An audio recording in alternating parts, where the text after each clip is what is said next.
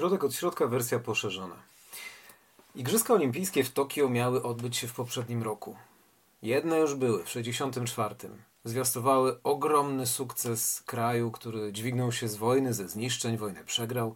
Powinien być gdzieś na marginesie cywilizacji, a okazało się, że od 45 roku, pomimo dwóch wybuchów atomowych, dwóch bomb, które zniszczyły Hiroshima i Nagasaki, Japonia potrafiła się nie tylko podźwignąć, ale i pokazać igrzyska w telewizji na cały świat, transmitując dowody swojego sukcesu. Pokazywano takie rzeczy. Wydawano wiele znaczków, oczywiście, które pokazywały różnego rodzaju konkurencje olimpijskie, ale pokazywano także na znaczkach obiekty. Oj. Obiekty olimpijskie, które budowano może nie w pośpiechu, ale bardzo sumiennie, żeby Tokio było miastem, któremu będzie zazdrościł postępu cały świat. Trzeba było je zbudować. Ktoś to musiał zrobić. W 1964 roku też na igrzyska oddawano Shinkansen, czyli szybkie koleje. Ktoś to musiał zrobić. Ogromne inwestycje infrastrukturalne, wiele osób o tym pisało, innymi w Psach i Demonach e, Alex Kerr o tym, że Japonia się betonuje, asfaltuje od dekad. No to właśnie między innymi zaczęło się od lat 60. podczas przygotowań do Igrzysk Olimpijskich, ale to był 64 rok. Kolejne miały być igrzyska letnie w Tokio. Wszystko się zgadza. Chwilę później, w 2020 roku, przygotowano również wiele rzeczy, między innymi znaczki, takie wpinki. Może nie do końca na szpilkę, tak jak my jesteśmy przyzwyczajeni, ale taki model na magnes także jest popularny. Na znaczku e, symbole Igrzysk Olimpijskich i Paraolimpijskich opatrzone tytułem, który miał być pewnikiem Tokio 2020. Tego już nie ma. To już nie wróci. Teraz teoretycznie ma być Tokio 2021. Ale ostatnio też usłyszeliśmy od jednego z ważnych ministrów, i to nie byle kogo, ponieważ byłego szefa dyplomacji i obrony narodowej Taro Kono, człowieka, który chciał jeszcze niedawno zostać premierem Japonii, a wiadomo, że premier zmienił się pod koniec sierpnia, dość niespodziewanie. Więc od nie byle kogo, bo niedawnego kandydata na premiera, który na pewno będzie liczył się jeszcze w następnych wyborach, usłyszeliśmy, że wszystko się może zdarzyć odnośnie Tokio 2021. W tle koronawirus i nikt nie wie, czym to się skończy. Mamy z jednej strony zatem znaczki pokazujące w 1964 roku ogromny postęp i te obiekty olimpijskie. Z 2020 przypinkę, która już ma wartość kolekcjonersko-sentymentalną. Coś jeszcze? Na szczęście tak. Powód tego odcinka stacja Tokio Ueno. Powieść może nie gruba z wyglądu, ale zawierająca o wiele więcej tematów niż te, które, o których wspomniałem. Stacja Tokio Ueno w oryginale JR Ueno Eki Koen Gucci. Ueno Eki stacja JR japońskie koleje. Ueno Eki stacja Ueno Koen Park. W Ueno jest park jeden z y, najbardziej znanych w całym Tokio, no i Gucci jako wyjście ze stacji właśnie na park. Autorka japońska Yumiri pochodzenia koreańskiego. Seria z żurawiem. Książkę dostałem dzięki wydawcy Wydawnictwa Uniwersytetu Jagiellońskiego. W tej książce głównym bohaterem jest człowiek, który budował obiekty olimpijskie. To jest tak w ogóle człowiek na okładce. My, tutaj nie będę niczego zdradzał, bo chwilę na, zaraz po rozpoczęciu książki dowiadujemy się tego w jaki sposób bohater ze sobą skończył, skoczył pod pociąg i to jego samobójstwo nie jest żadną tajemnicą, niczego nie zdradzam. Ale kiedy bierzemy książkę do ręki, nie wiemy, że jest na okładce obraz samobójstwa, które zaraz e, zostanie spełnione, które się wydarzy. Mamy bowiem stacja Tokio Ueno sugeruje, że tutaj mamy e, perony, człowiek, który zaraz wykona krok przed żółtą linię bezpieczeństwa i prawdopodobnie te białe, oślepiające strugi świateł nadjeżdżającego pociągu, pod który zaraz wpadnie główny bohater. Kiedy go poznajemy, jest człowiekiem bezdomnym, ale jego bezdomność wynikała z wyboru świadomego. Nie został zmuszony do opuszczenia domu, miał się nim kto opiekować, mieszkał ze swoją wnuczką. Po niezwykle trudnym życiu, ciężkiej pracy, ogromnym poświęceniu i mozolnym, codziennym powtarzaniu tego samego, a tym samym było budowanie nowej Japonii. Główny bohater, jak i wielu mu podobnych, tysiące, dziesiątki tysięcy pracowników zjeżdżały głównie z północy Japonii, stąd Tokio Ueno jako stacja kolejowa miało znaczenie, ponieważ e, dzielnica leży na północy Tokio i jakby była takim mm, punktem przesiadkowym dla tych, którzy przybywali z północnej części, z północnych prefektur, żeby pracować w stolicy albo przesiadać się gdzieś dalej. Jak dziesiątki tysięcy mu podobnych przyjechał do stolicy w latach 60., żeby budować igrzyska. Przeczytajmy dwa fragmenty, dowiemy się więcej. Strona 108 żeby zobaczyć wymiar tego poświęcenia i tej codziennej pracy. Igrzyska budowano przez moment, ale inwestycje infrastrukturalne trwały dekadami w Japonii i ona się rozwijała.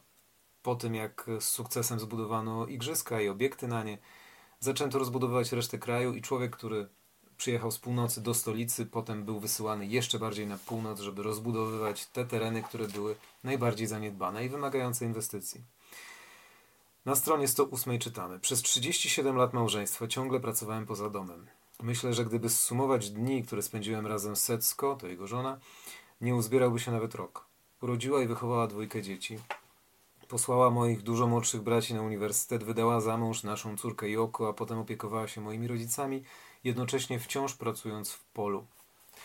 Przeskakujemy prawie na koniec książki i tutaj takie podsumowanie ponowne ze strony głównego bohatera. W wieku 30 lat postanowiłem wyjechać na zarobek do Tokio i pracowałem tam przy budowie obiektów, na których miały się odbywać Igrzyska Olimpijskie. Nie oglądałem żadnych konkurencji, ale 10 października 1964 w moim sześciomatowym pokoju w hotelu robotniczym usłyszałem głos cesarza płynący z radia.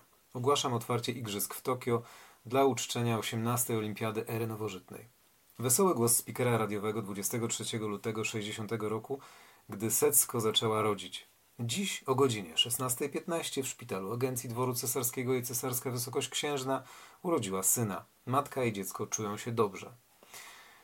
Krótkie wyjaśnienie do tego, o czym mowa.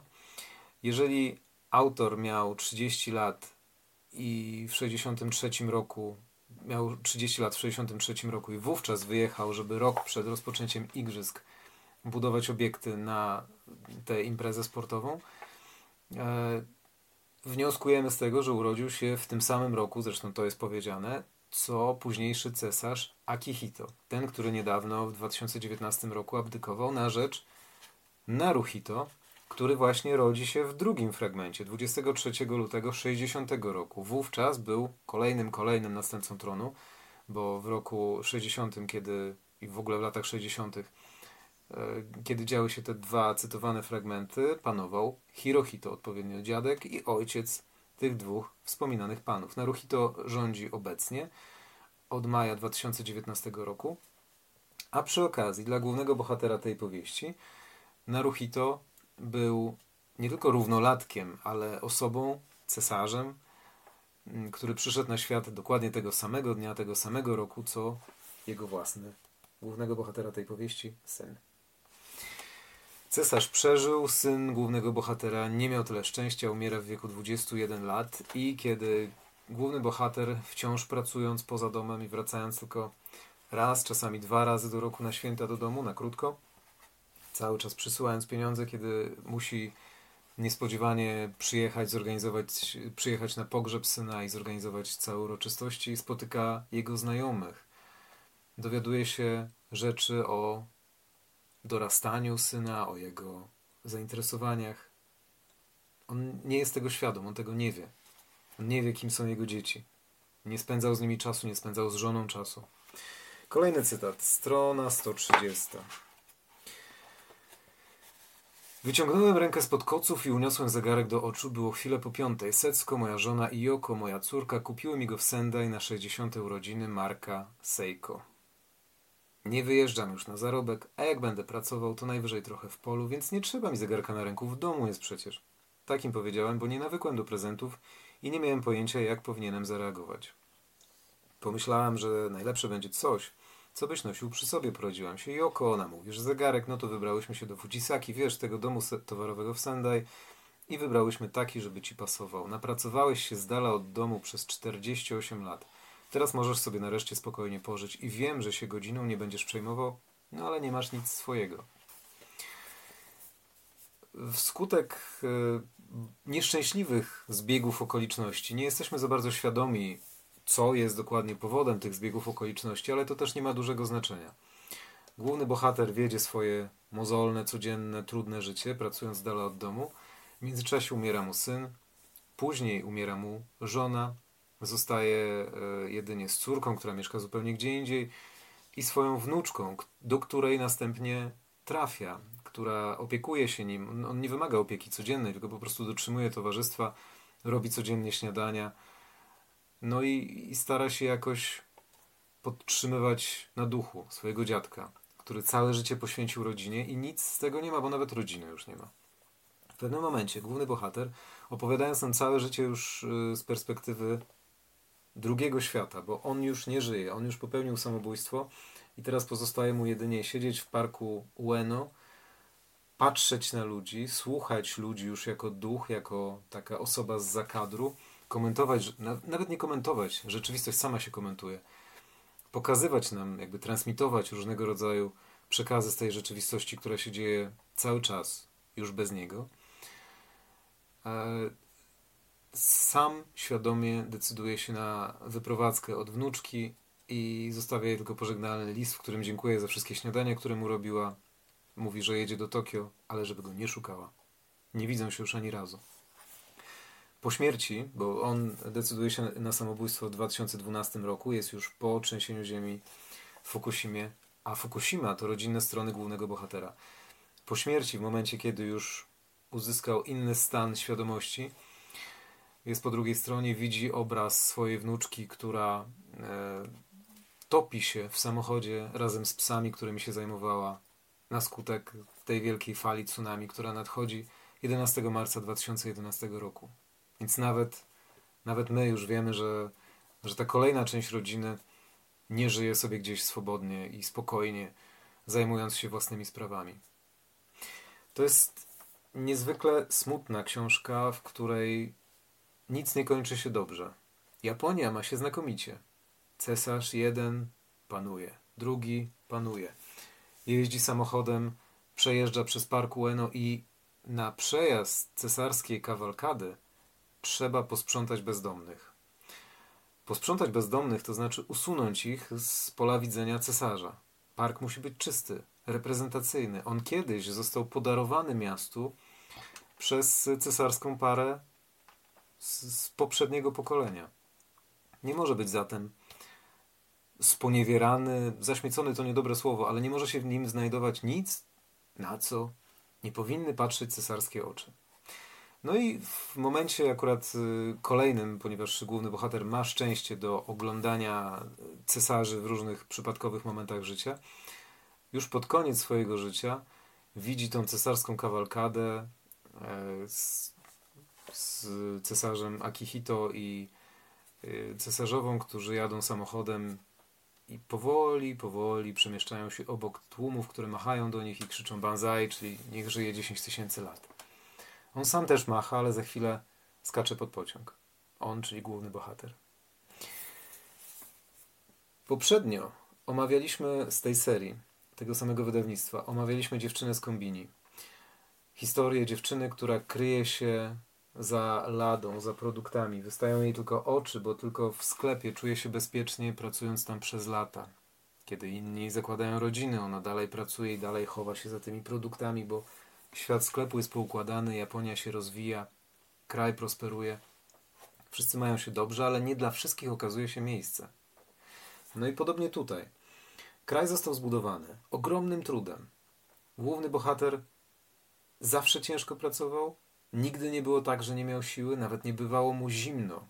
Przyznaję, że zawsze miał siłę, żeby machać kilofem, żeby machać łopatą. Opisuje czasy lat 60., kiedy nie było ciężkiego sprzętu, kiedy te wszystkie obiekty, które widzieliśmy na znaczku, na takim bloku, te wszystkie obiekty trzeba było zbudować ręcznie. To nie było tak, że przyjeżdżały cztery koparki i, i za chwilę stadion był gotowy. Główny bohater opowiada, że nawet nie byłoby komu ich operować, bo ludzie nie znali się na tym. Łopatą i kilofem potrafił machać każdy. No i tak mozolnie dzień po dniu budowano Japonię, podnoszono ją z gruzów i budowano sukces. Ale co z ludźmi, którzy ten sukces budowali? Gdzie było dla nich miejsce? Oczywiście to nie wina kraju, że najpierw e, syn głównego bohatera umiera, potem odchodzi jego żona. To nie jest wina Japonii i tutaj ten postęp na nic nie, prze, nie przełożył się, jeżeli chodzi o te tragiczne karty w życiu głównego bohatera, ale widzimy, jak bardzo rozjeżdżają się te dwie ścieżki. Jak ten sukces kraju staje się zupełnie nieistotny, nieobecny. Może nawet nie to, że nieistotny, ale nic nie zna. No to w sumie to samo. Nie wiem, jak to nazwać. Zupełnie osobnym miejscem staje się ta Japonia, którą budował główny bohater książki, a niż ta, w której żyje. Ta, w której żyje, jest pełna smutku, spotyka bardzo wielu ciekawych ludzi, którzy również są bezdomni z rozmaitych przyczyn. Niektórzy opowiadają swoje historie, niektórzy nie.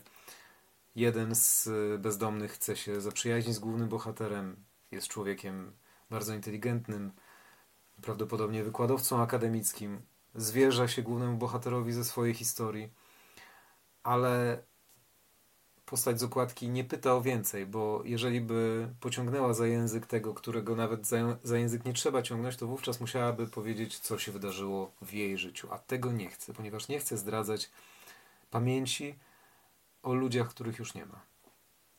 To jest niezwykle smutna książka. Polecam każdemu, żeby można było dostrzec inną twarz Japonii niż ta, która jest.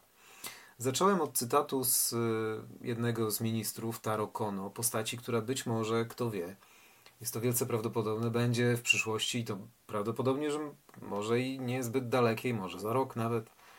Kto wie, czy jeszcze nie w tym, tak dziwne rzeczy potrafią się dziać. A w Japonii premierzy często się zmieniali.